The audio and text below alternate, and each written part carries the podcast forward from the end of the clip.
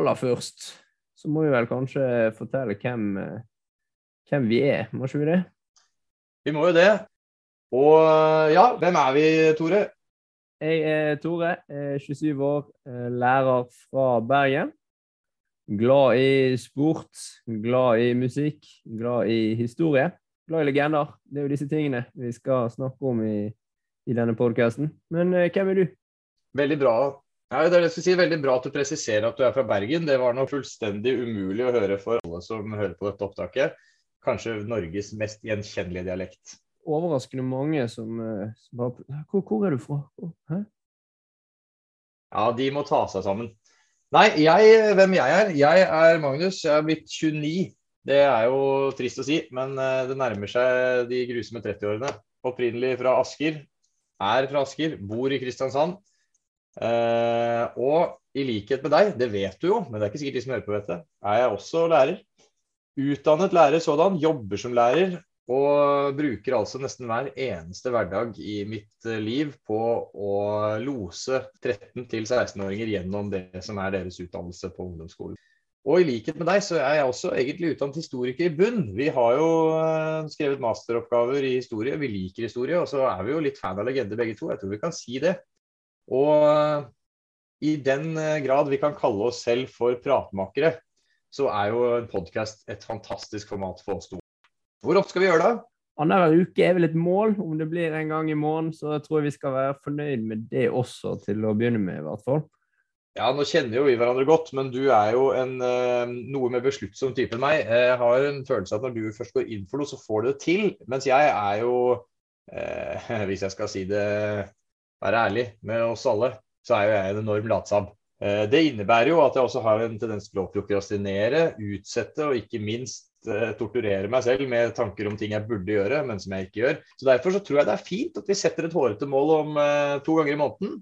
Det ryker jo helt sannsynlig veldig fort, men vi prøver i hvert fall. Vi prøver. Men det, det er jo noen ting, gode ting som kommer ut av å prokrastinere òg. Du er jo uh, en skippertakets eh, mester, da. Det, det, skal du ha. Så det kan jo være fint her. Vi, ja, det er riktig. Når vi skal lese oss fordi... opp på en eller annen ja, jeg tenker bare sånn, For de som ikke kjenner til ordtaket, så ble jeg jo kalt Akademias Northug da vi gikk på NTNU. Og det handlet jo i aller høyeste grad om at jeg stort sett gjorde minst mulig. Fulgte med på de som var gode i det de drev med, og prøvde å henge med som eh, jeg bare kunne. Og noen ganger holdt det til å komme først over målstreken, stort sett ikke. Jeg, jeg, tenker vi får kjøre første uh, shoutouten i, i poden der. Rett og slett til Henrik, som uh, fant på uh, det uttrykket. Akademias Northug. Men du er jo ikke sky, da. Og til Petter Northug, som var god på ski. Petter Northug avgjør stafetten! Ja, men du er jo ikke sky, da, som sjøl omtaler det, så det å få det med. Men, men, det er vel akkurat det han mente, med at du er Akademias Northug. OK. Hvilke regler og hvilke format tenker vi egentlig å ha? Ja, det er jo et godt spørsmål. Vi har vel eh, i utgangspunktet tenkt å la denne episoden eh, være en slags test, i tillegg til at det blir eh, den første. Det innebærer jo at vi tester noen regler og formater for denne podkasten, og så ser vi om den bare rett og slett skal få lov til å utvikle seg i takt med at vi utvikler oss. Ikke nødvendigvis kroppslig, men i hvert fall slik vi gjør det når vi gjør denne podkasten. Ja, hva tenker du, Tore? Skal vi sette noen rammer for lytterne? Ja, ikke altfor store rammer. Eh, jeg merker vi prater jo, og kjeften går her. Men eh, jeg hadde i hvert fall en idé om at episoden ikke trengte å være mer enn 30, 30 minutter. Rundt 30-40 minutter, ikke noe mer enn det. Eh, andre rammer det blir vel at en av oss har tatt et chippertak, eller lest oss opp på en legende, sånn at vi vet litt mer enn det vi alle vet. For dette det er jo kjente personer. Alle har jo hørt om, eller de fleste har hørt om disse personene. Jeg har et visst forhold til de, men kjenner de kanskje ikke så godt. Eh, nå har vi i hvert fall lest oss eh, litt mer opp, eller denne gangen, så det er jeg som har gjort det. Og du som eh, blir på en måte samtale på neste episode, så er det jo planen at vi skal bytte roller der. Så får vi se. Men det, det er vel det som er en slags format på programmet. Og Det som er litt interessant med det du sier der, også er jo nettopp det at deler av det vi kommer til å få høre, blir jo overraskende også for oss. Nå er det jo sånn at De menneskene vi kommer til å ta for oss, er kjente. Eh, jeg vil tørre å gå så langt som til å si at de er kjente for alle. Men om du ikke vet så veldig mye om eh, hver enkelt person, så er jo nettopp derfor vi er her nå. Og i, den sammenheng så er det jo slik at nå som du har valgt å finne den første personen vi skal snakke om, så er det også du som kan mest om vedkommende. Jeg kan nesten ingenting. Jeg har bare hørt navnet, jeg har eh, lest meg opp på noen grunnleggende ting. Og det tenker jeg er slik vi kommer til å gjøre det også med kommende mennesker. Neste gang er det kanskje min tur. Da er det jeg som kommer til å gå i dybden. Da er det du som sannsynligvis kommer til å sitte der og tenke ja, jeg vet ikke så mye om denne personen, men jeg håper jeg gjør det etter å ha hørt episoden. Mm. Målet er i hvert fall at vi alle skal bli kjent med personene på en ny måte. Er det noe annet før vi skal sette i gang?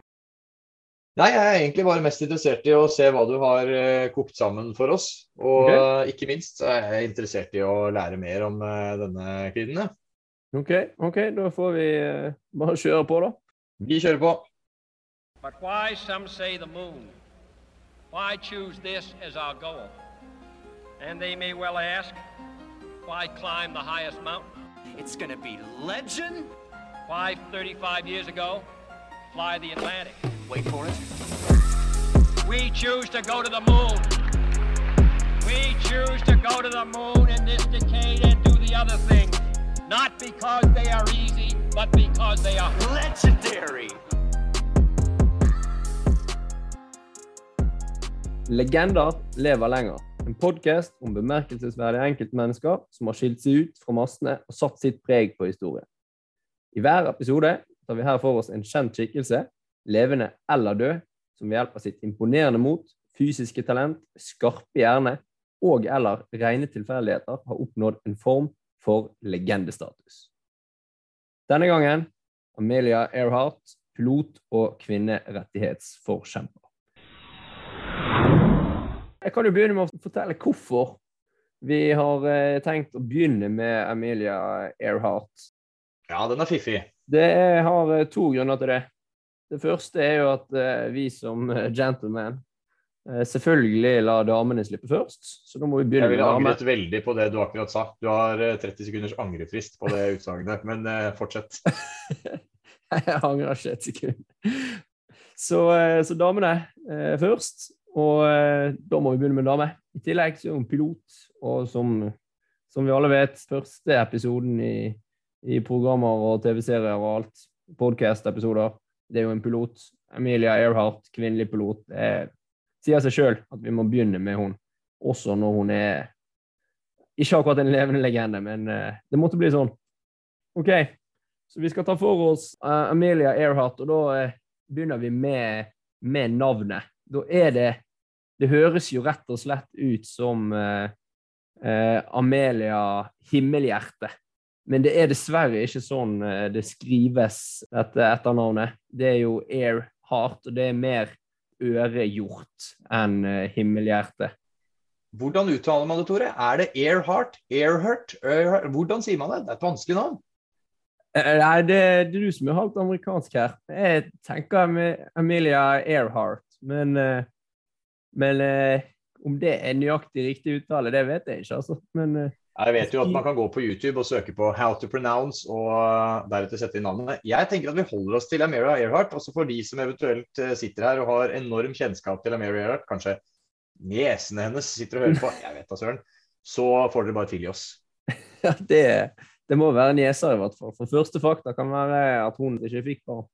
Men OK, hun ble født 24.07.1897 i en liten by, Atchison. Den er faktisk eh, mindre enn Narvik. 10 000 mennesker der den dag i dag. Den eh, ligger så sentralt i middle of nowhere, America, Amerika, Kansas, som du egentlig kan finne det. Så når Vil ser dette bli første gangen noen hører om Atchison i det hele tatt? Kanskje siste gangen også? Ja, det tror jeg. Jeg tror det er ca. 10 000 mennesker som har hørt om Atchison. De, eh, de bor der. Så det er nok både første og siste gang vi, vi snakker om Atchison på denne poden, i hvert fall. Hun hadde en far som het Edwin Edvin Earhart.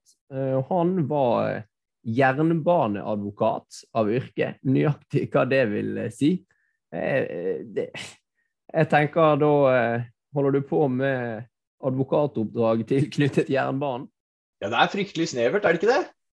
Jo, det, Hvis det du må først skal være bli advokat, drømmer du altså om at du skal være advokat for ting tilknyttet jernbanen, eller er det bare slik det blir? Nei, det, det er godt du spør. Fordi at uh, svigerfaren til Edvin, altså bestefaren til eh, Emilia på morssiden, Han var jo veldig misfornøyd med at svigersønnen endte opp som jernbaneadvokat, og ikke advokat i litt eh, høyere oppe i embetene, politisk eller eh, økonomisk sådan. At det var jernbaneadvokatyrket han, eh, han endte opp med. Eh, Og da han, eh, han svigerfaren der, han bestefaren, han er en eh, rik mann. Han en av de viktigste personene i Atchison, Kansas eh, i 1897, når eh, lille Emilia blir eh, født. Og han er jo da faren til Emilias mor, som heter Emilia Earhart, hun også. Så det betyr at Emilia er oppkalt etter sin egen mor. Og Emilia Earhart, skal vi si den eldre, da, hun var egenrådig. Hun hadde ikke lyst til å oppdra nice little girls, så både Emilia, som gikk under kallenavnet Millie, og lillesøsteren, Grace Muriel Earhart Ja, flotte navn på den tiden. Flotte navn. Men det, det, er jo, det er jo kallenavnenes tidsalder, så det er jo Millie og Pidge eh, de går for. Eh, og Millie og Pidge, de, de får hjemmeskole da, av eh, Amelia Earhart eh, den eldre.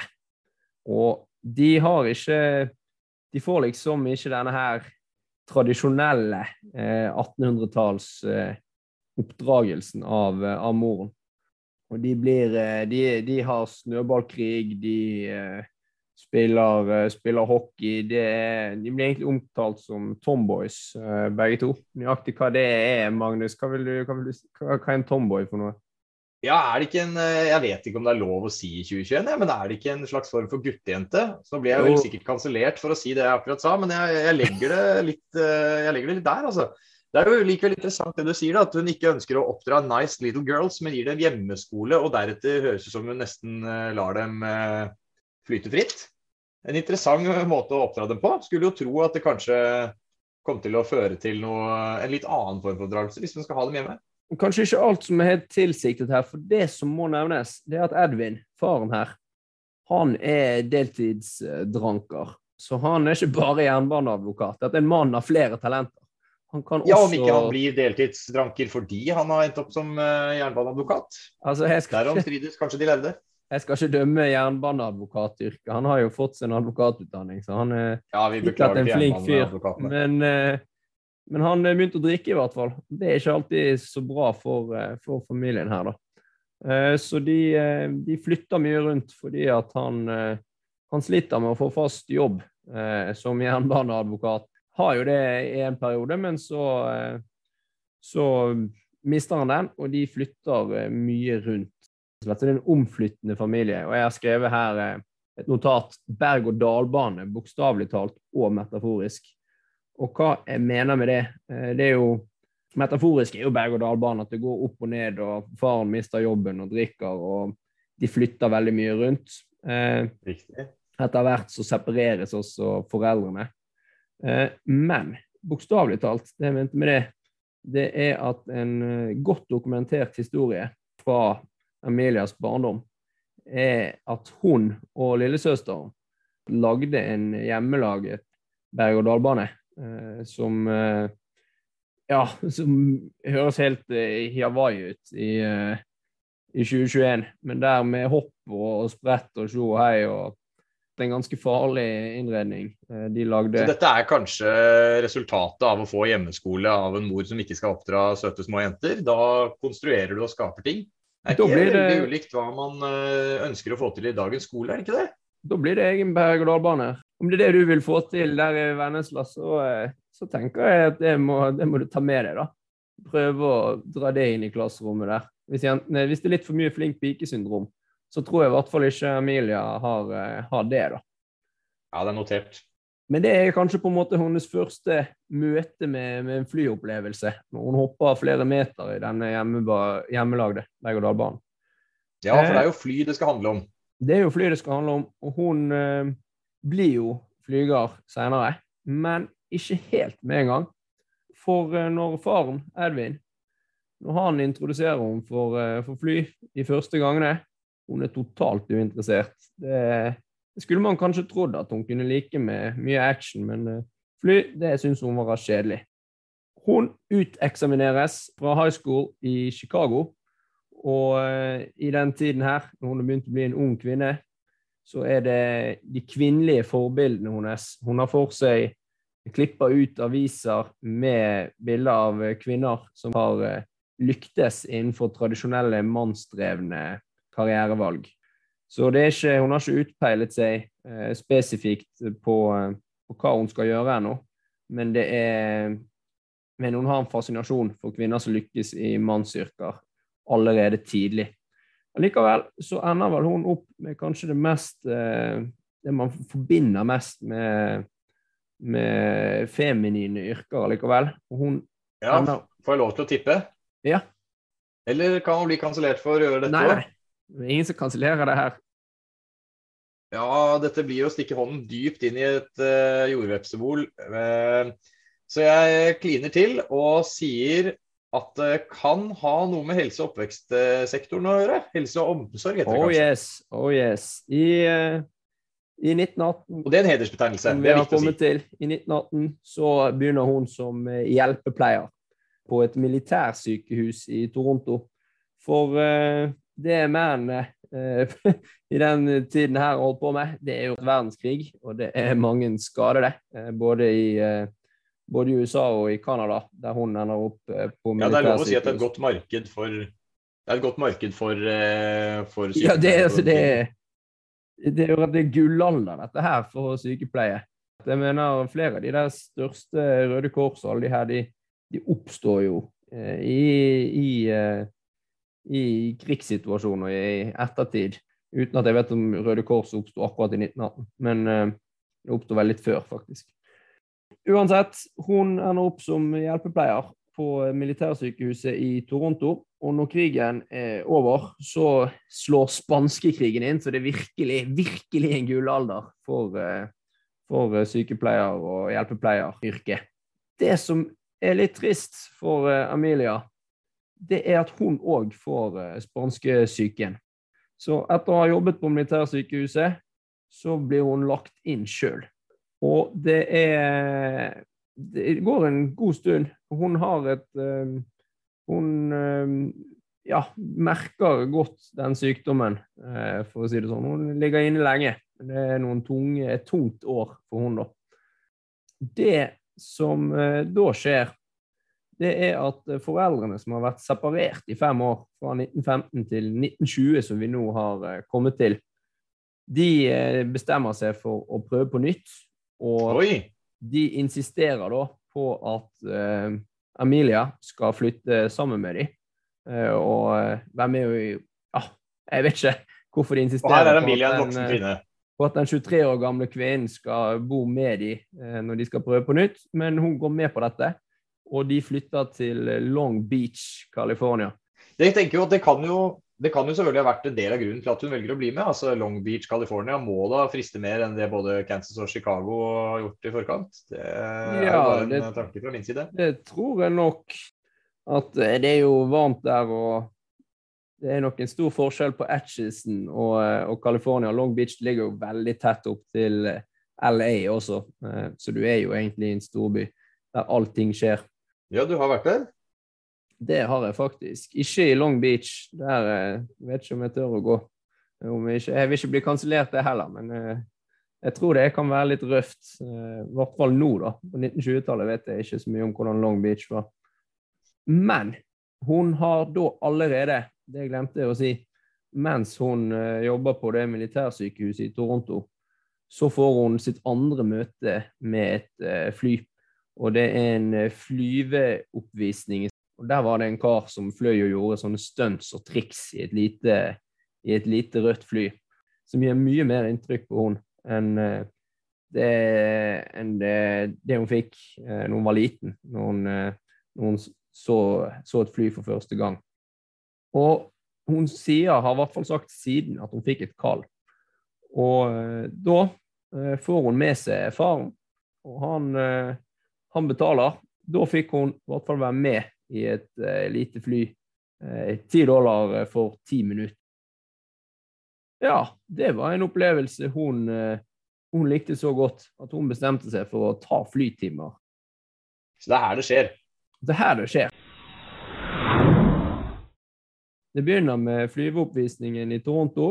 Så fortsetter det vel med disse ti minuttene i luften i, utenfor Long Beach.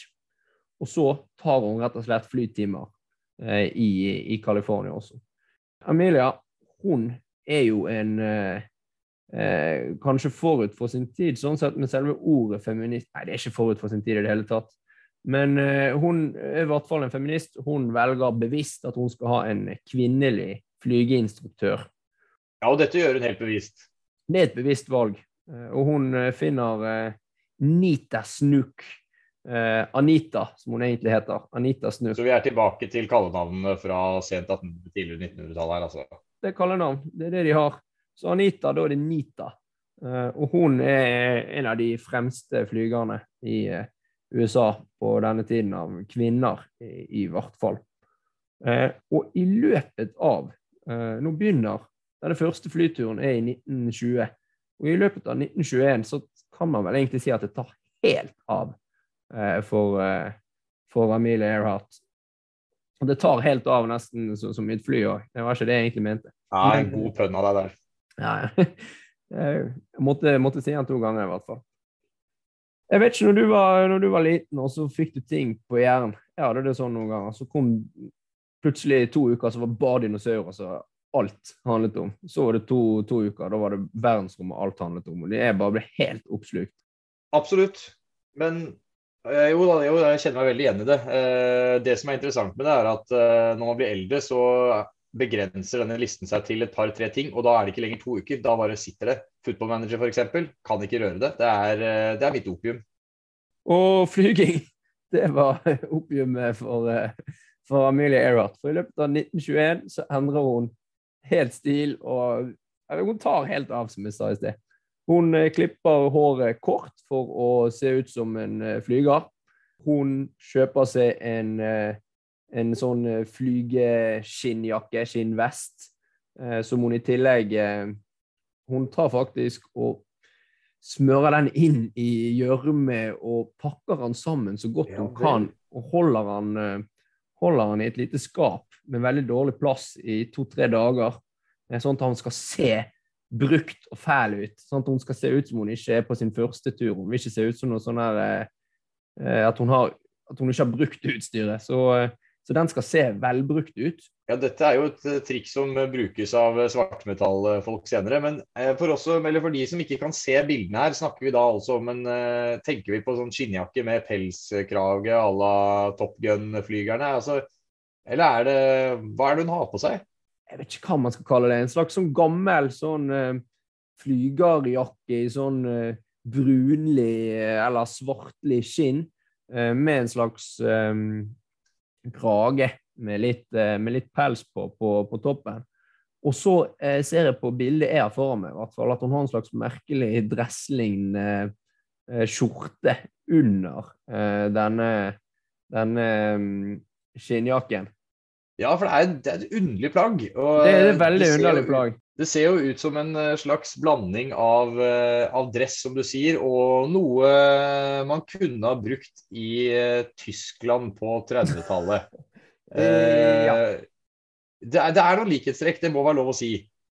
Ja, det, det, det skal du få lov til å si. Eh, det, er- det er ikke hakekors på denne her, da. Heller ikke Hugo Boss-logo. Men med stilen er den samme. Absolutt. Absolutt. Hun kjøper også et eget fly. Kanarifuglen. Et lite, et lite gult fly. Eh, Og hun begynner å kjøre masse, da. Først med Nida Snook, og så eh, med, ja, med seg sjøl etter hvert. Jeg tror hun er ganske tidlig ute med å begynne å fly helt alene. Eh, Og det må vi få sagt. Flyging på den tiden her, det er noe helt annet enn flyging i dag. Flyging i dag, det er, det er nok eh, vanskelig nok, altså for all del, og veldig usikkert og farlig det, hvis du ikke kan fly. Men på den tiden her så er det alvorlig ekstremsport. Ja, for her, her ser vi Vi er jo i eh, Hvis jeg eh, forstår deg riktig, vi er i, fly, i flykunstens spede begynnelse. Vi har ikke holdt på med dette altfor lenge. Brødrene Wright har vel sin første flyging på starten av 1900-tallet, når Emilia er, er bare mellom fem og ti år gammel. Og flyene de blir bedre og bedre i rekordfart. Ingen blir bedre og bedre her, men eh, det er fortsatt livsfarlig Fortsatt en livsfarlig lek, eh, det Emilie har blitt eh, bitt av. Eh, og hun er også en eh, adrenalinjunkie, det kan man ikke komme unna. Hun tar faktisk en eh, verdensrekord i flyging før hun, tar, eh, før hun får flysertifikatet. Hun eh, flyger 4300 meter over havet.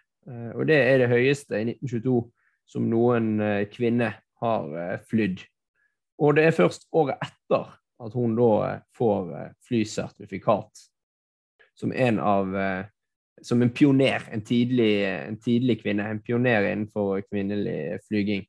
Det er jo kanskje én generasjon tidligere enn hun, eh, Anita Snukk og de litt eldre, men det er fortsatt en av de, en av de absolutt første kvinnene som, eh, som flyr eh, og prøver å få det som yrke. Hun prøver å få det som yrke, for i 1924 og de neste årene så er det, er det egentlig ja, store problemer i Emilie Earharts eh, liv, både på hjemmebane og eh, ja, over hele linjen. Mm. For familien eh, de taper store deler av sin eh, formue. De har satset på gips. og har en eh, De har satset på gips, av alle ting. De har, eh, de har feilinvestert i mineralet gips. og brukt for mye penger på gips uten å få inn eh, eh, god avkastning på dette. Så store deler av eh, familieformuen ryker på en feilinvestering på gips. Ja, av, ja, av nysgjerrighet her, Tore. Av alle ting man kan eh, feilinvestere, tror du ikke gips må være noe av det kjedeligste å investere i, og i hvert fall å ryke på i tillegg?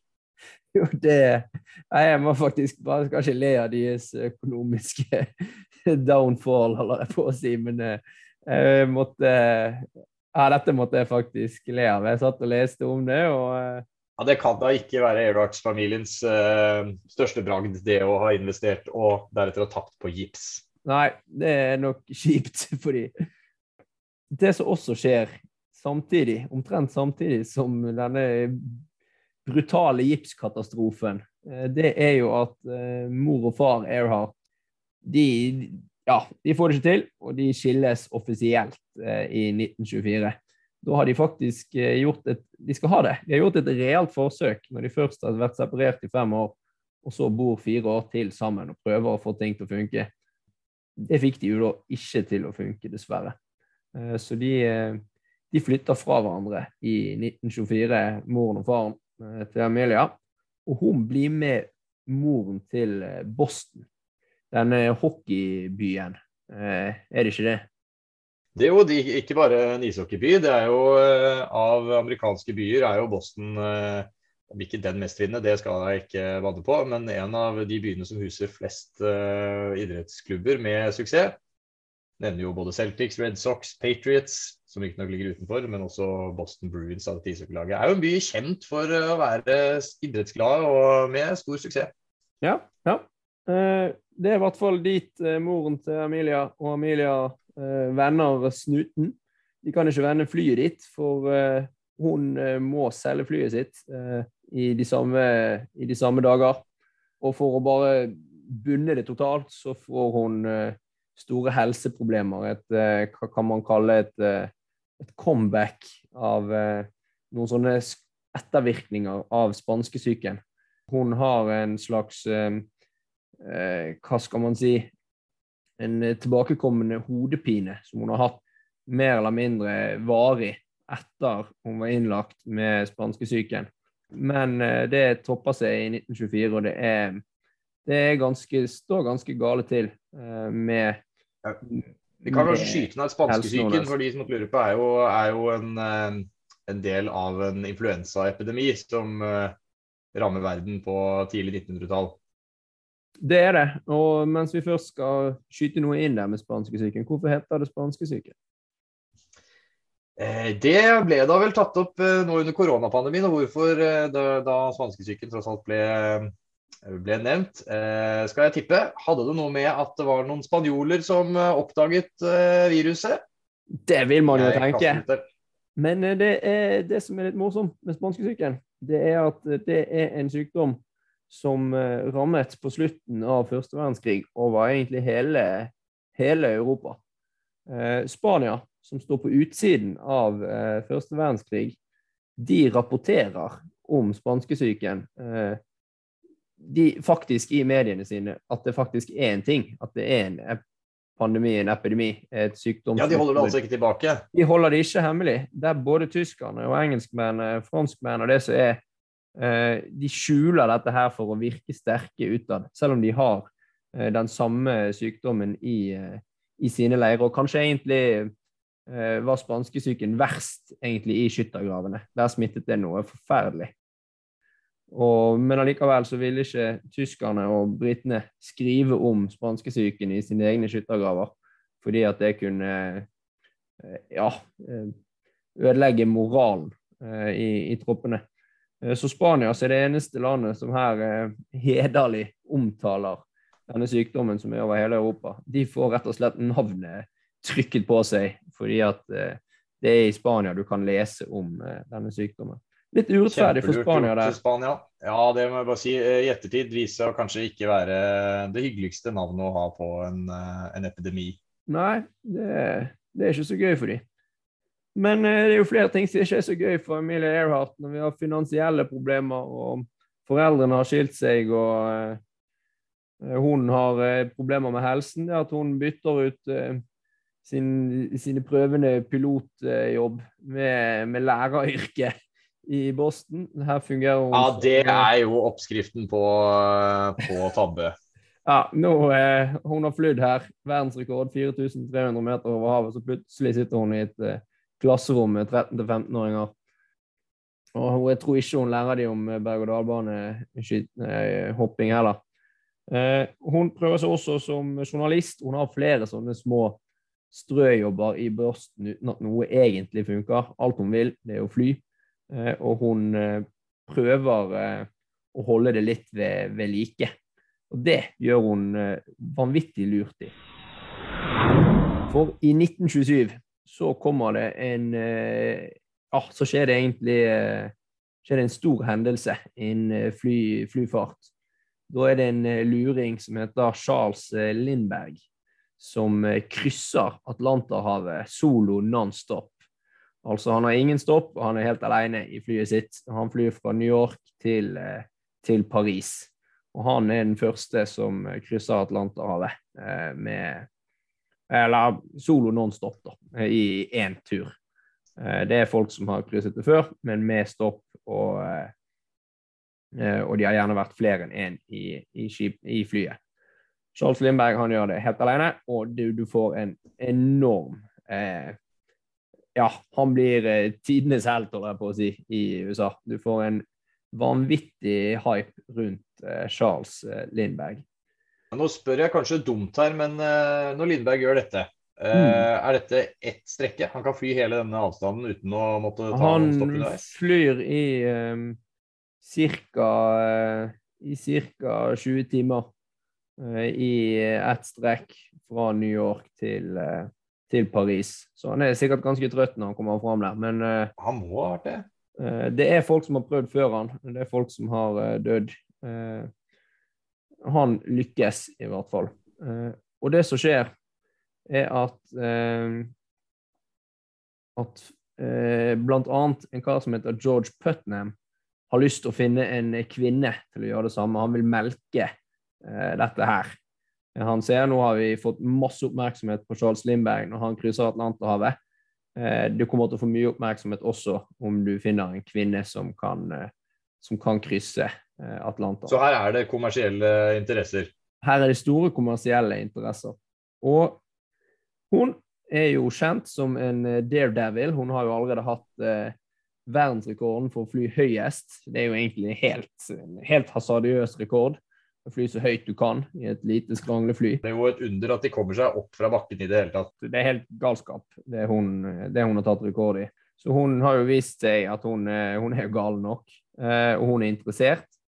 Eh, Det er en annen kvinnelig eh, pilot som blir spurt først. Jeg husker ikke helt navnet på henne, men hun regnes som kanskje den beste kvinnelige piloten i, på slutten av 20 20-tallet. hun sier nei. Eh, hun føler seg litt for eh, gammel eh, og tenker at vi må ha eh, yngre krefter til. Og eh, som et andre valg blir Amelia Earhart eh, valgt inn, og hun takker selvfølgelig ja. Hun eh, hun er jo bruker så mye tid hun kan eh, på flygebanen i Boston. Ja, Hun høres jo ut som hun er skapt for jobben ut ifra det du forteller òg. Hasardiøst, eh, muligheter for rekorder, prestisje. Det, det er akkurat det det er. Dette her er en utfordring for hun. Men hun eh, Ja, hun skal egentlig ikke gjøre så veldig mye. For rollen hennes, det er å være passasjer eh, på et fly med to menn. Hun blir allikevel den første kvinnen til å krysse Atlanterhavet i en, eh, i en sånn non-stop eh, flight. Men ser setter også du det at du er den første foran, foran noe, så er det en form for prestisje i det uansett. Altså hvor, hvor stusslig det enn kan høres ut. Ja, Om det så er å være første passasjer. hun, du kan si hun er den første kvinnelige passasjeren til å krysse Atlanteren. Hun får eh, eh, offisiell jobb som loggfører, eh, der eh, Wilmar Stultz eh, er selve piloten, og Louis Gordon er med som navigatør. Denne trioen de letter fra Newfoundland, eh, helt eh, nord-nordvest blir det vel, i Canada. Og flyr til eh, Wales på ganske nøyaktig eh, 20 timer og 40 minutter. Som selvfølgelig blir boktittelen til, eh, til Amelia Earharts eh, bok. George Putnam, eh, denne mannen jeg snakket om i sted, han er en redaktør, og han eier et, et boktrykker, boktrykkeri, et forlag. Og han er jo en av de som har kjempet hardt for å få med en kvinne her. Og boken hennes det blir en bestselger, og det jobbes for å egentlig få gitt ut boken så fort de har landet. Hun blir virkelig en stjerne.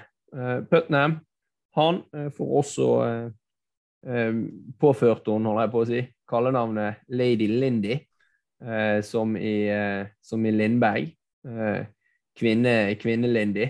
Eh, og hun gir ut bok, sendt på foredragsturné. Det er fashion, det er kvinneklær, det er sportsklær.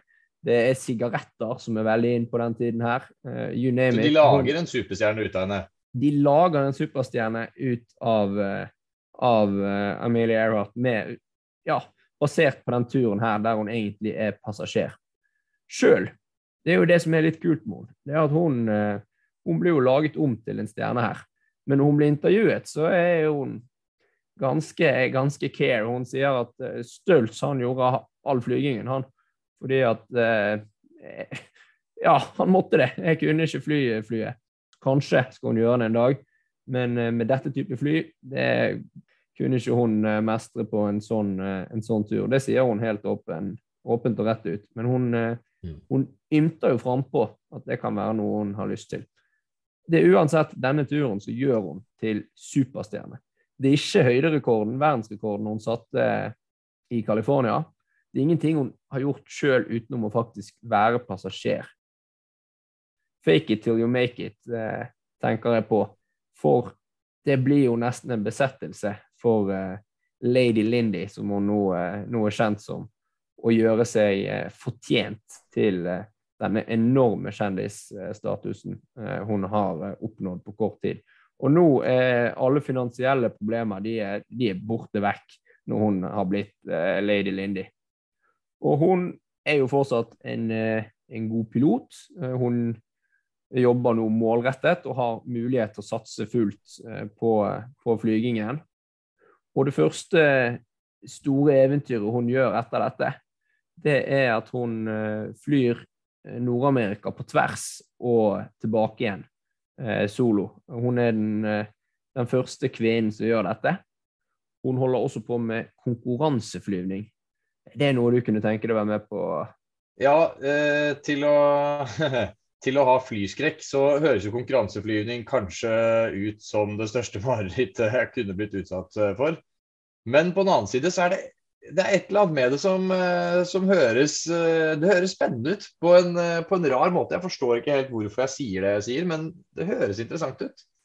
Ja, det, det er noe som kan høres interessant ut, så kan være gøy å snakke om. Jeg tror at du sitter i det flyet og skal være med i konkurranseflyvning på, på, på slutten av 20-tallet. Det høres ut som Ja, det er jo en viktig, det en viktig detalj å få med her. Altså, jeg tror jeg kunne kjent på en lyst til å prøve konkurranseflyvning i våre dager. Sannsynligvis ikke hvis jeg hadde fått tilbudet, men eh, på 20-tallet ganske uaktuelt. de, de det, det som er litt trist og litt morsomt, alt det som, er at de konkurranseflygerne de, de døde som fluer. Ja, jeg skulle spørre, det, Har du noen tall på dette, så er jeg ganske sikker på at de er stygge. At det er eh, hasardiøs jobb å ha. Jeg har, jeg har dessverre ikke tall på det, men eh, når jeg leser om dette, så høres det ut som at de dauer eh, støtt og stadig i disse konkurransene. Det er om å fly diverse distanser, korte og lange, eh, raskest mulig. Eh, og hun er ganske god. Hun har flere hederlige resultater, men hun blir aldri den, eh, den beste konkurranseflygeren. Det blir hun ikke. Hun tar imidlertid en ny høyderekord. Eh, så det er jo om å, om å gjøre galnest mulig ting i, forskjellige retninger. Da er det 5600 eh, meter over havet, sånn lite, et lite skranglefly. Hun setter også eh, fartsrekorder for, for kvinner i fly.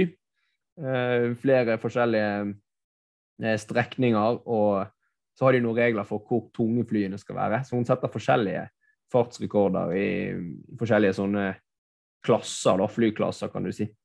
Eh, det hun også gjør, det er Vi snakker jo mye om rekorden og flygingen hennes nå, men det er at hun gifter seg. Og eh, hvem tror du hun gifter seg med, hvis du skal tippe? Ja, det hører du gir meg en umulig oppgave. Gjette hvem hun gifter seg med. Er det en annen eh, Det er en annen kjent person, åpenbart. Vi har snakket om vedkommende. Vi har det. Uh, ja Nei, jeg, jeg må nok ha noen hint her. Jeg kan gi deg tre alternativer, da. Ja, gi meg tre alternativer. Fire alternativer skal du få. Det er Charles Lindberg. Ja, det var det jeg ville ha svart, men du skal få ta de siste alternativene.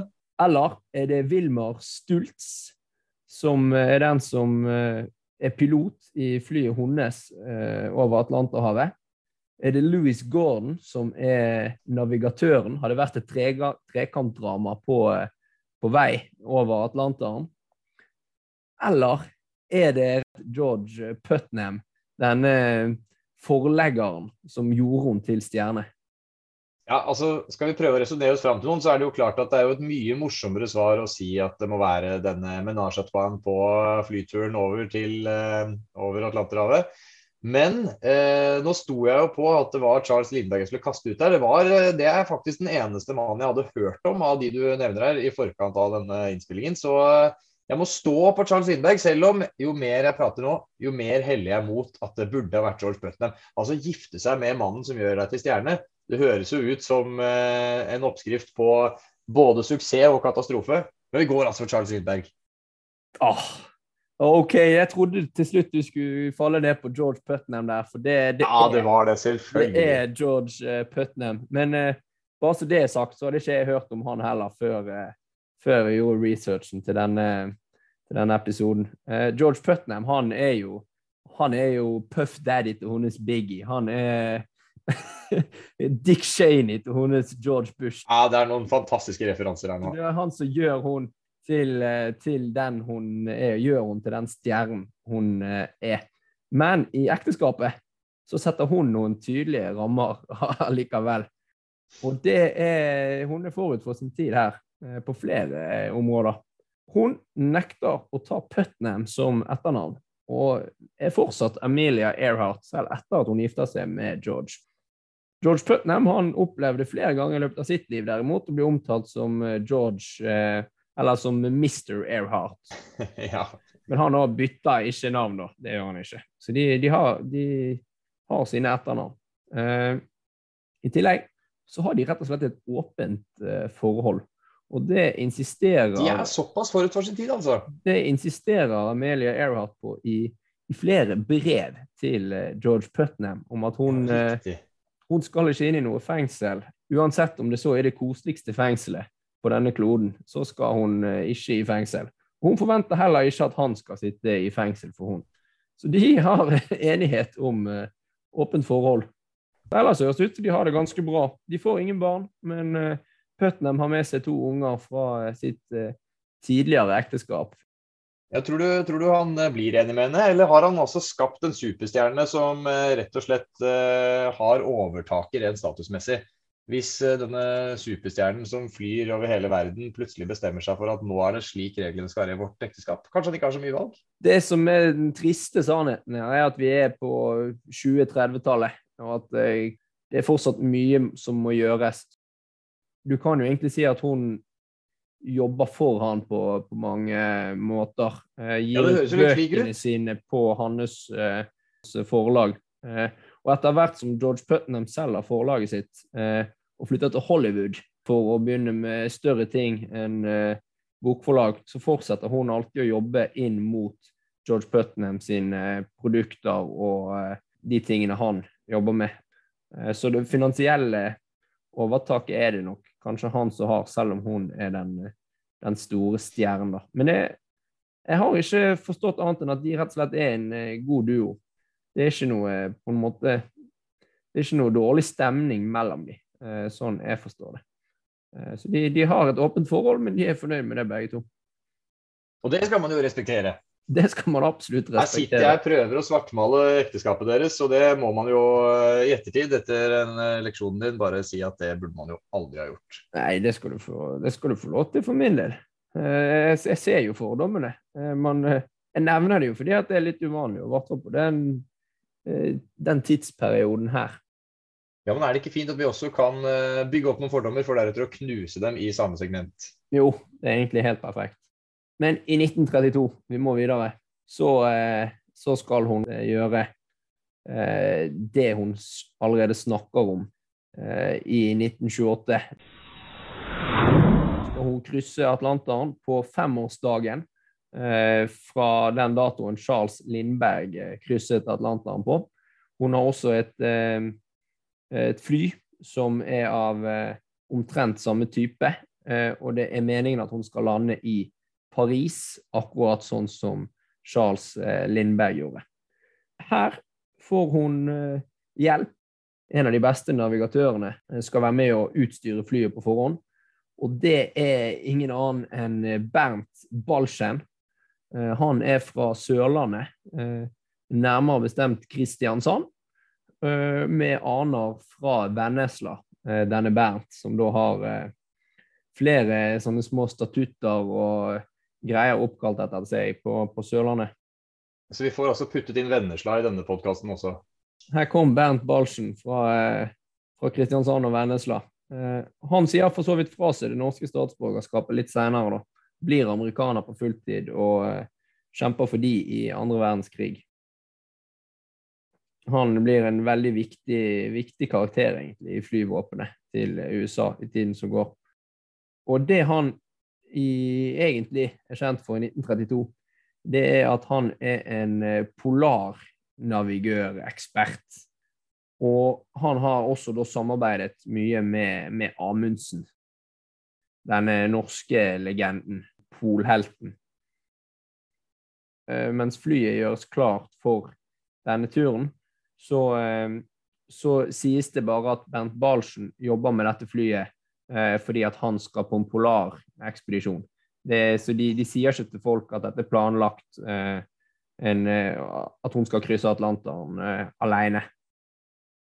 Men det er det hun gjør, og det gjør hun eh, fem år på dagen til Charles Lindberg sin eh, Atlanterhavskryssing. Så det er solo non-stop eh, fra Newfoundland, men ikke til Paris, for eh, hun, eh, til tross for eh, navigatørhjelpen til eh, Bernt Balsen. Han er ikke med i flyet, for hun er solo. Eh, Til tross for dette så eh, får vinden hun litt ut av kurs, og hun lander rett og slett i en kuinnhegning i, i Nord-Irland. Men hun har krysset Atlanteren og ja, lander mellom kuene der. Treffer noen, noen nordirrer som som lurer på om hun har flydd langt, og hun kan nonchalant si at ja, jeg har flydd fra Amerika. uh, uten, at, uh, uten at hun legger noe mer vekt på det. Det trenger hun ikke. For George Putnam har selvfølgelig satt, uh, satt alt Ja, satt himmel og helvete i gang for at dette skal bli en ny suksessrik tur. Og det blir selvfølgelig en ny bok denne gangen. For the fun of it heter, heter boken. Og hun har endelig klart fake it till you make it. Nå har hun gjort det sjøl, uten Wilmar Stultz og, og Louis Gordon. Solo nonstop over Atlanteren.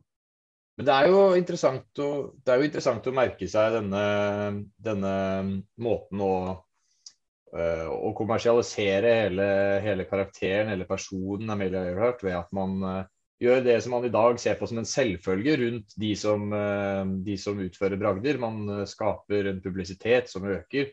Og Det er interessant at man får det til også på en eh, tid der eh, man ikke har i nærheten av den samme muligheten til å skaffe publisitet utover eh, f.eks. aviser. Du har jo forsiden på The New York Times, mm -hmm. hvor det bl.a. står litt om ferden hennes. Her står det bl.a. at hun flyr over Irland uten å i det hele tatt se det. ja, det var mye, mye røyk, mye tåke. Det ser jeg for meg at det ofte er over Irland.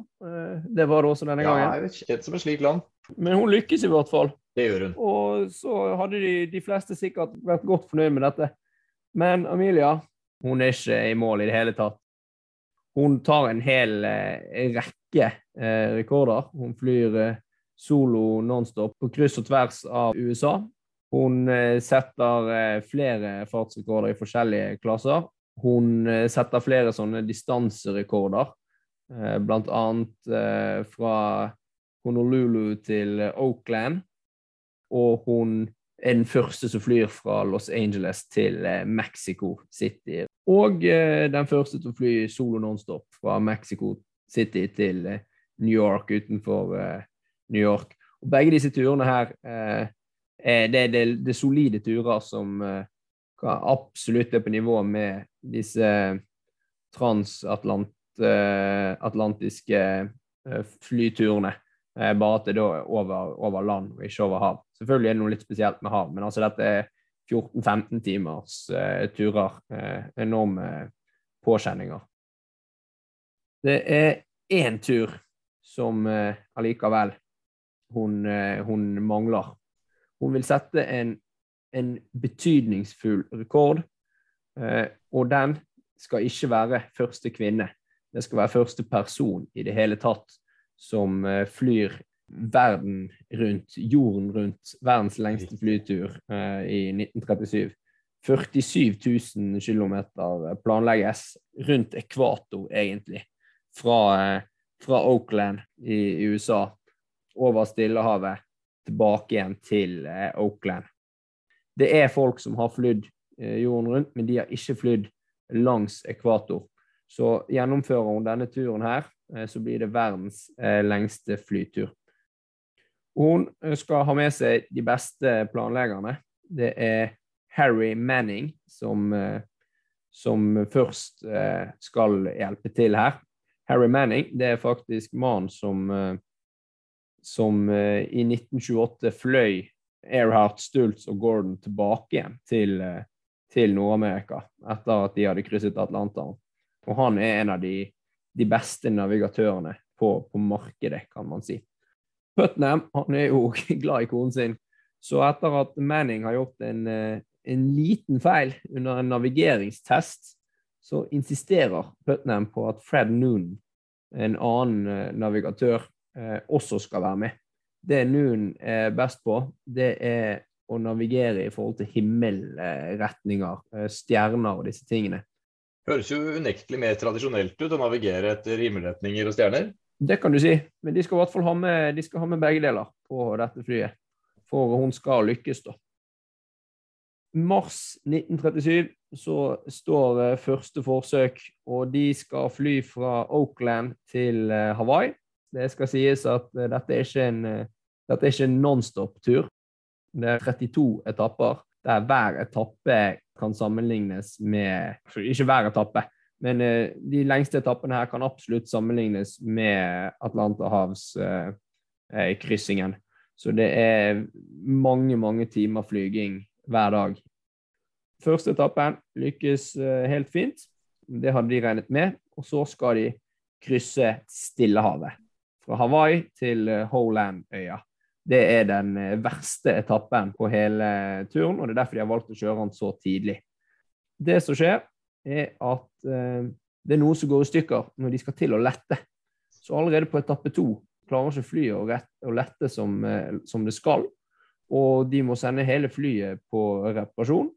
Og de fleste av oss ville kanskje, kanskje gitt opp her, men det gjør ikke det gjør ikke Millie Earhart, og det gjør heller ikke Fred Noon. Harry Manning derimot, han eh, gir seg.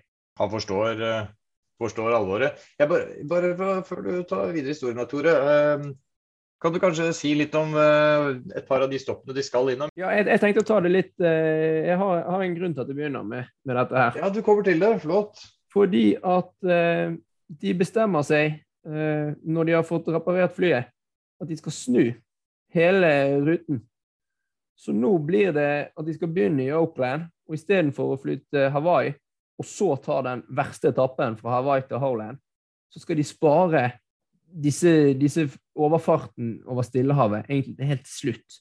Så nå skal de begynne med å ta seg rolig nedover eh, USA, fra Oakland til eh, Burbank, Tuxen og Miami. Så skal de over til eh, San Juan i eh, Puerto Rico. Så skal de til Venezuela, eh, Surinam og Brasil, før de krysser Atlanteren, eh, lander i Da- Dakar, eh, helt eh, vest i Afrika. Flyr de over ørkenen her til, eh, til Mali. De skal innom Tsjad, Sudan og Eritrea før de flyr over hele Midtøsten, som ikke har flyforbudssoner i 1937. De kommer til Karachi og Calcutta i India. Så skjer det Thailand, Singapore, over til Australia, Ny-Guinea, og derifra skal de over Stillehavet, til Holand Island. Og Stillehavet, eh, det er egentlig et eget, eh, et eget kapittel her man tenker ikke på det når man ser på kloden, men eh, Stillehavet det er det største havet eh, vi har, og den eh, dekker egentlig 32% av landjorden. Så det er den delen av globusen du ikke ser på et vanlig kart, det som ligger mellom Oceania og øyene rundt New Zealand og USA på den andre siden. Det eneste som ligger imellom der, er vel, er vel Hawaii eh, av betydning. Eh, og det er jo langt fra Hawaii til fastlands-USA. veldig langt. Ja, Her snakker vi enorme avstander. og Du får det i hvert fall eh, du får i hvert fall inn det perspektivet når du ser kartet sånn som det ser ut nå. Eh, skulle gjerne kunne vist det, men det å kunne se alle disse punktene og vite at dette skal gjennomføres eh, før andre verdenskrig bryter ut, det setter det i et ganske ekstremt perspektiv. Ja, eh, og spesielt disse etappene eh, som de nå har bestemt seg for å gjøre mot slutten istedenfor mot starten av, eh, ja, av hele turen. Jeg, jeg tror det hadde vært fornuftig, det er så lett å si i ettertid, å begynne med disse verste etappene istedenfor å ta dem på slutten når du er skitsliten etter 30 dager eh, i flyet. Absolutt. Eh, De bestemmer seg i hvert fall for å fly over, eh, over Stillehavet mot slutten av turen. Og alle disse etappene som jeg nettopp gikk gjennom, de går veldig fint. Det, det går stort sett veldig fint, og de kommer til Papa Papua Ny-Guinea. Det gjør de. Og det er herifra, eh, når hun skal fly den første strekningen fra Papua Ny-Guinea til Holand Island, en bitte liten øy som jeg ikke har hørt om eh, før dette her. Den øyen er egentlig stort sett bare kjent for å være øyen eh, som Emilia Earhart da aldri kom eh, fram til. Eh, det er snakk om en eh, øy på Den er noen kilometer lang og bare tre meter høy. Eh, en, en nål i eh, en nål i høystaken. Helt Ja, helt umulig å finne hvis ikke du er vanvittig god å navigere. Det er for så vidt Fred Noon, men eh, når de drar fra Papa Ny-Guinea, så eh, er det meldt fint vær. Men, men selvfølgelig så kommer skumringen. Eh, det blir overskyet, og det oppstår også radioproblemer mellom Amelia Earharts fly og et amerikansk skip som de har fått kantret, eller som de har fått lagt inn i Papa Ny-Guinea, som egentlig skal følge inn til Holand Island, så de skal kunne orientere seg etter. Det som er trist her, er at eh, båten, eh, skipet, den får inn radiosignalene fra flyet til, til Amelia Earhart, men eh, hun kan ikke få svar fra de om hvor hun skal navigere. Nei, riktig. Så hun hører ikke dem. Men de hører hun, og de får høre Ja. at vi begynner å gå tom for drivstoff. Vi begynner å gå tom for drivstoff, hvor kan vi lande? Ja, de får høre panikken, egentlig. Og denne desperasjonen kan man jo nesten, eh, kan man jo nesten føle bare ved å høre det du sier nå. Å være over eh, verdens største hav i et fly og finne ut at vi begynner å gå tom for drivstoff. Og det har kommet en vanvittig skumring som gjør at mannen som eh, baserer sin navigasjon på himmellegemer, ikke ser så mange himmellegemer. Det er en ganske grusom situasjon eh, de havner i. Og de siste meldingene dette skipet får fra Airheart, er jo egentlig at vi, vi mangler drivstoff. Eh, vi flyr på den og den breddegraden, tror vi. Og så er det ikke, er det ikke mer lyd. Man finner aldri skipet Nei, man finner aldri flyet. Man har ennå ikke funnet verken Noon eller Amelie Earhart. Så de forsvinner eh, til havs.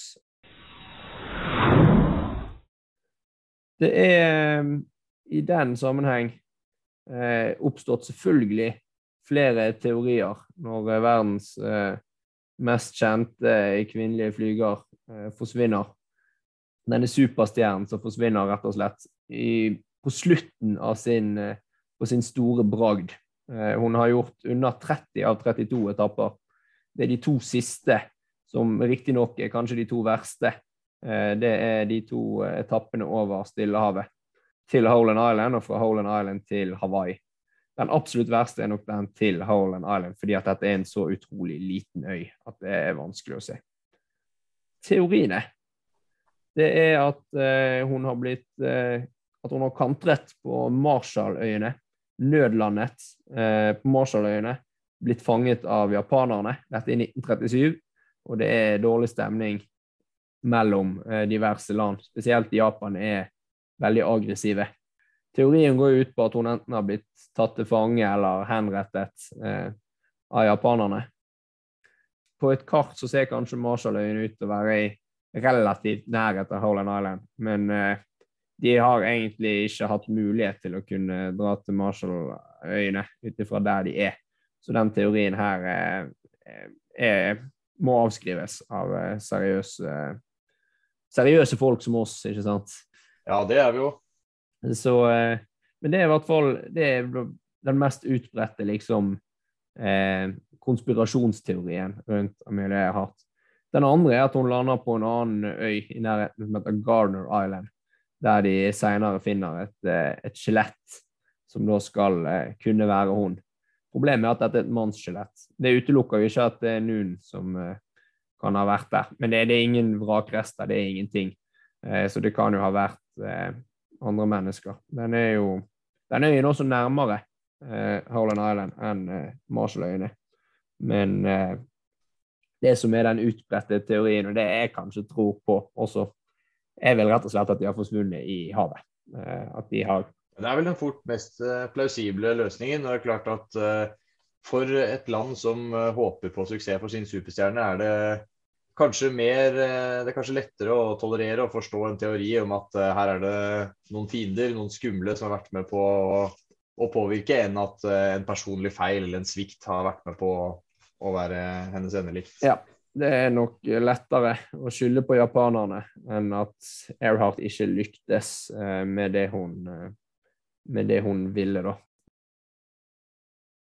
Om Holand Island er en, en nål i, eh, i høystaken, så er disse andre øyene også det. Det er, ikke, det er ikke sånn at du bare lander på en annen øy. Eh, Da skal du ha enormt eh, enorm, enorm flaks. Eh, For det, det er vanvittige avstander med, med bare vann så langt du kan se i Stillehavet.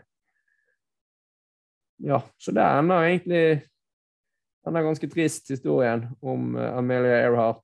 Eh, Putnam får eh, gitt ut en, eh, en tredje biografi. Det er da de dagboksnotatene hun har fått sendt så langt. Han, han får også lest opp en erklæring som hun har sagt og skrevet til han hva, hun, hva han skal si hvis hun skulle mislykkes på et av disse vågestykkene. For det er jo noe hun også har skjønt at kan skje. Dette er ekstremsport på et, på et enormt nivå. Så er det hun vil ha sagt hvis hun skal dø. I want to do it because I want to do it. Women must try to do things as men have tried. When they fail, their failure must be but a challenge to others. Uh, og det er jo da uh, flere kvinnelige piloter som senere tar opp stafettpinnen etter Amelia og faktisk gjennomfører denne turen og kommer seg helskinnet til Oakland og så over Stillehavet. Så selv om hun mislykkes, så var det mulig. Absolutt. Så hva er ettermælet til Amelia Earhart, nå når du har hørt historien, Magnus? Hva, hva tenker du? Jeg tenker jo først og fremst at uh, i den grad man skal klassifisere noen som en legende, så handler det jo om at man gjør noe som er legendarisk. Og her har du jo selvfølgelig en rekke rekorder å vise til. Det i seg selv er jo, er jo kvalifisering nok, det. Men så er det også noe med det endelikte, hvordan det slutter, som er med på å skape en sånn mytisk, legendarisk status rundt det hele. Det er jo noe som skjer med kjente mennesker som eh, dør for unge eller under mystiske omstendigheter. Det er med på, på å skape en, eh, en, slags karakter og skape en fortelling rundt vedkommende som eh, gjør noe mer enn det selve personen var. Eh, og også kanskje nettopp som du sier, fordi at eh, hun var første kvinne til å gjøre en hel rekke ting det at man eh, kan se på henne som et feministikon vel så mye som et, eh, et flygress eller et flyikon. Ja, og det var jo også noen hardt gikk, gikk inn for. Hun prøvde jo å promotere både på disse foredragsturneene sine og, eh, og egentlig hver gang hun snakket offentlig, at hun, kvinner skal gjøre det menn skal gjøre. Vi kan gjøre akkurat det menn kan gjøre. Eh, og det, det, var en viktig kampsak for hun. Hun ledet også eh, Kvinnenes flyforbund i, eh, i, USA. Så for meg så hun, hun, er Nå skal jeg prøve meg på en, på en, liten sånn blanding her av to karakterer. Men er hun en slags Hun er på en måte en slags blanding mellom Sara Larsson, feminist-superstjernen, med med Amundsen eller Nansen eller disse polheltene, disse, disse heltene vi ikke har lenger. Fordi at alt egentlig, Etter at Neil Armstrong trakk ut på månen, så har du ikke hatt disse rekordene på samme måten. Så denne typen helt Vi har ikke noe sammenlignbart i, i dag. Ja, i hvert fall ikke noen som får den samme typen status. Altså, jeg, jeg ser absolutt parallellen du trekker til Amundsen og Nansen og en del av disse oppdagerne. De som gjør disse ekstreme tingene. Og det handler også noe om tidene det gjøres på. At, uh, at, man ikke nødvendigvis har alle disse teknologiske hjelpemidlene som er med på å gjøre slike turer tryggere, eh, mer forståelige, enklere å følge. Her er det på en måte mennesket mot naturkreftene i, i eh, dårlig, dårlig, utstyr, og hvor du er prisgitt en del tilfeldigheter til tross for planleggingen. Og Det er jo med på å gjøre det ekstra spesielt. Ja, og også det at du rett og slett ikke har altså Hvis noen går og skal gjøre den samme turen som Amelie Earhart har gjort Det er mange som har lykkes senere. Eh, men nå, det er ikke på en måte samme det er ikke noen som gjør det første gangen, og du er ikke nødt til å bruke et så simpelt utstyr som det hun brukte. Det var det beste utstyret som var der når hun brukte det. Eh, hvis noen skal prøve å krysse Stillehavet i en sånn liten skranglekasse i dag, så er det Jeg har lyst til å si du er litt dum hvis du skal, hvis du skal gjøre det. det. Det er ikke nødvendig at noen skal krysse Stillehavet i en sånn skranglekasse i dag. Jeg ser på det mye mer som noe man måtte få gjort på, på 30-tallet, når det var det, det man hadde og det ikke var krysset ennå. Det er et veldig godt poeng. Og vi har sikkert lett for å romantisere denne typen dragder og, og tenke oss at, uh, at, de fortjener den statusen de har i, i, lys av at de var først ute med noe. Men så, så er det også noe vakkert med det. da, Å vite at, uh, at, folk gjorde ting som vi i dag ville sett på kanskje som ren dumskap, og som for så vidt kanskje var det på den tiden de gjorde det òg. Men samtidig så er det jo med på å gjøre nettopp det at vi kan sitte her og prate om det eh, ja, snaue 90-100 år senere. Ja. Men eh, vi er jo ikke de første som snakker om hun for å si det sånn 80 år etterpå. Hun har selvfølgelig fått sin egen flyplass. Det har vært eh, mange museumer, statuer, gater, skoler. Eh, til og med en egen planet oppkalt etter eh, Earhart. En planet? Det er en egen planet oppkalt etter hun. Så hun eh, Du kan jo si hun har lykkes med Hun blir jo en legende på den måten at hun aldri dør, da. Vi snakker om henne. Det er vel kanskje det som er en legende. Eh, Legender lever lenger, det er jo det som ligger i, i tittelen vår. Selv om hun døde bare knappe, knappe 39 år gammel, så, eh, ja, så blir hun husket nå 80 år etterpå. Hun kommer til å bli husket om eh, de neste 80 årene også. Det er det ingen tvil om. Det er skrevet utallige bøker om henne, filmer, TV-serier, diverse sånne mysterieserier. En ting jeg leste som var litt morsomt, det er at eh, den første sangen som ble spilt på, eh, på populærradio i USA, det var en poplåt som het Amelia Earharts eh, 'Last Flight' av Dave McHenry. Og den handler da selvfølgelig om eh, denne, denne mytiske og mystiske styrten eh, til, eh, til eh, pilothelten vår. I dag så er hun også med i Du kan, du kan unlocke henne på Fortnite, eller da er det jo Airheart som i, som i himmelhjertet. men det er jo tydelig Amelia Earhart eh, det skal være. Eh, I Wonder Woman så styrter flyet selvfølgelig på eh, i Amazonenes øy, der Wonder Woman kommer fra. Eh, Pilot, eller han navigatøren eh, eh, Noonan, han, eh, han dør, som det høres og bør seg, siden det bare skal være kvinner på eh, Amazones øy. Men hun velger å bli. Og i Simpsons så er det selvfølgelig eh, Mr. Burns som eh, skyter ned denne plagsomme, plagsomme kvinnen. Ja, selvfølgelig. Det er, det er jo en historie som er skapt for å lage nye historier om. Eh, Du har jo den perfekte fortelling. Du kan lage en åpen slutt her. Du har et feministikon som utfører bragder ingen har gjort tidligere. Det er jo, det er jo en legende. Åpenbar eh, legende og eh, vel verdt eh, første episode, mener jeg. Absolutt.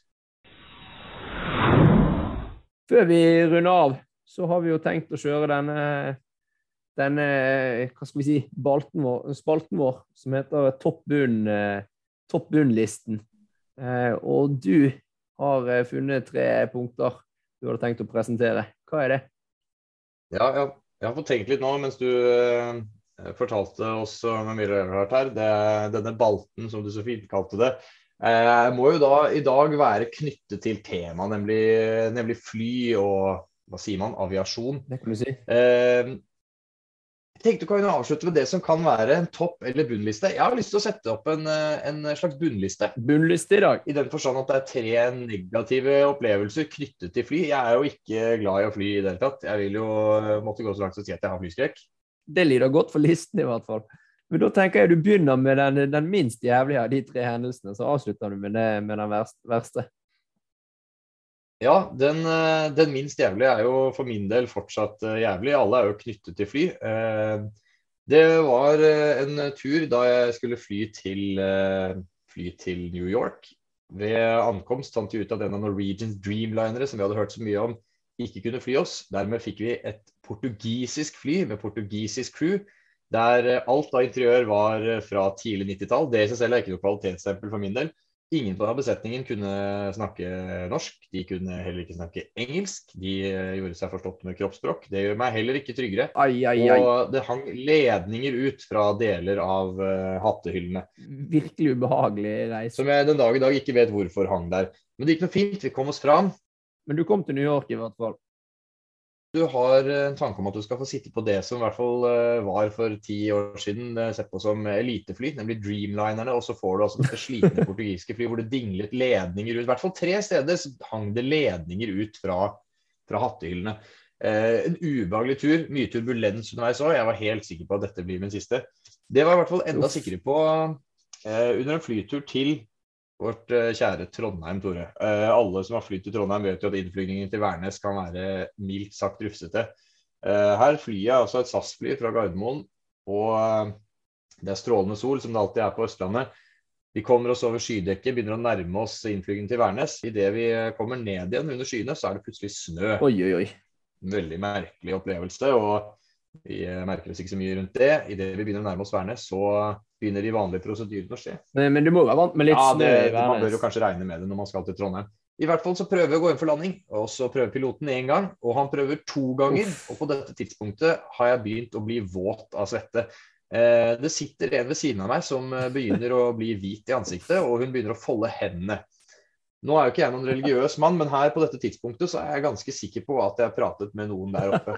Så begynner piloten å si at her er det bare å forholde seg rolig, folkens. Vi har rett og slett fått eh, eh, vindkast opp til Jeg mener han sa orkan, det er mulig jeg overdriver.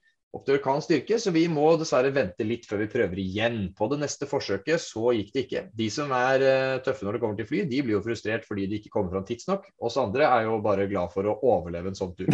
Vi fløy tilbake til Gardermoen. Jeg fikk tilbud om å være med på et fly senere på kvelden. Jeg takket høflig nei, ble værende på hotellrommet på Gardermoen og så fotballkamp på TV. Det er til dags dato en av de beste øvelsene i mitt liv. Ja, det, det tror jeg på. Det, det er kjipt. Jeg har vært med på en sånn runde, rundetider oppe over Trondheim der før, men aldri måttet flytte tilbake igjen. Det høres helt, helt jævlig ut, faktisk. Helt grusomt. Svett og fæl med en sånn religiøs ved siden av seg. Det er jo uff. Ja, det, det er på ingen måte noe jeg har lyst til å oppleve på nytt. Men eh, jeg velger fortsatt heller den turen enn uh, framfor den jeg eh, fikk oppleve med min samboer og mine gode venner Anna Markus fra, fra Santorini til Aten. Altså, Nå mener jeg ikke å være fordomsfull mot eventuelle greske lyttere, det er det helt sikkert mange av. Men jeg har en litt sånn Du har jo allerede pisset på deg de portugisiske lytterne. ja, jeg har jo sannsynligvis det. Jeg har en, har en liten tanke om at en del fra Sør-Europa og omegn er av noe dårligere kvalitet, i alle fall når det kommer til det tekniske. Helt sikkert en fryktelig fordomsfull ting å si. Men vi bestemte oss altså for å ta et småfly, et lite innenriksfly, fra øyen Santorini.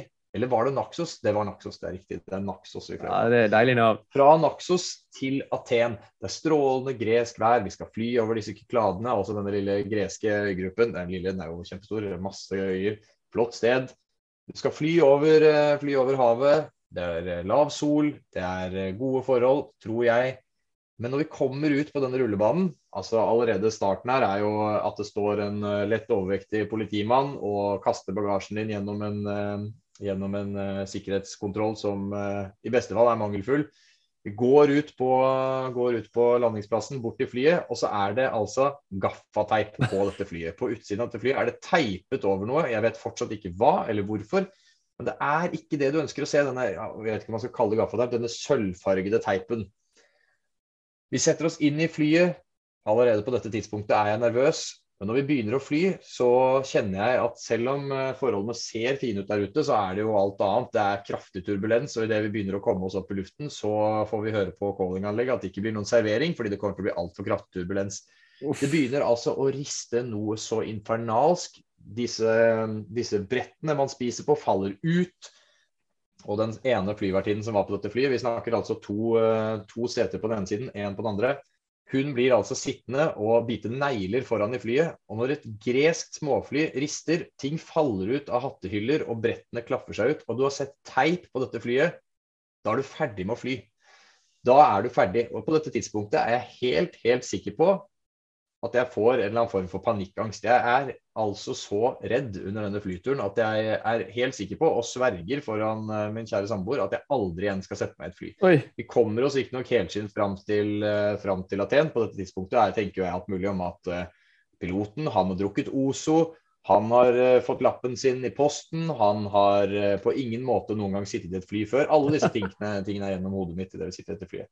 Men vi kommer oss fram til Aten, og det å få sette seg inn i et norsk Norwegian-fly fra Aten til Helsinki etterpå, føltes som å sitte i en tank sammenlignet. Det var altså verdens mest vidunderlige følelse. Jeg lurer på om jeg så smått kurer, altså kurerte min egen flyskrekk ved å ta den flyturen. For å sette seg i et vanlig fly etterpå var altså en drøm. Jeg har aldri vært så redd i mitt liv. Jeg får skulle til å spørre om du, om du turte å sette deg i et fly igjen, men det høres jo veldig sånn ut. Jeg hadde jo begynt å se på alternative ruter å komme seg fra Aten til Oslo på. Men jeg endte altså opp med å ta dette flyet fra Aten til Helsinki og Helsinki til Oslo. Og jeg innså det at det var rett og slett dette greske småflyet. Du vil ikke se teip på et fly. Du vil ikke fly småfly i Hellas. Og du vil på ingen måte fly det der sikkerhetskontrollen er mangelfull. Jeg var gjennom alle mulige scenarioer. Det var alt fra terrorisme til berusede greske piloter. Men vi kom oss helskinnet fram. Jeg hadde våt T-skjorte etterpå. Eh, Jeg skal aldri fly innenriks i Hellas igjen. Ikke noe vondt mot våre greske lyttere. Men det, du kunne jo sikkert gått rett ut og bade der, da. Det er jo godt vær i Hellas i hvert fall. Det er veldig godt poeng. Det hadde kanskje ikke vært det verste landet eller verste vannet å krasje i. Men jeg, jeg tror, hvis vi skal avslutte der, at Emilie Earhart hadde, hun hadde ledd av deg. Hun hadde ledd av meg, og jeg ville aldri vært med Amelia Earhart på en flytur. Det vil jeg bare si.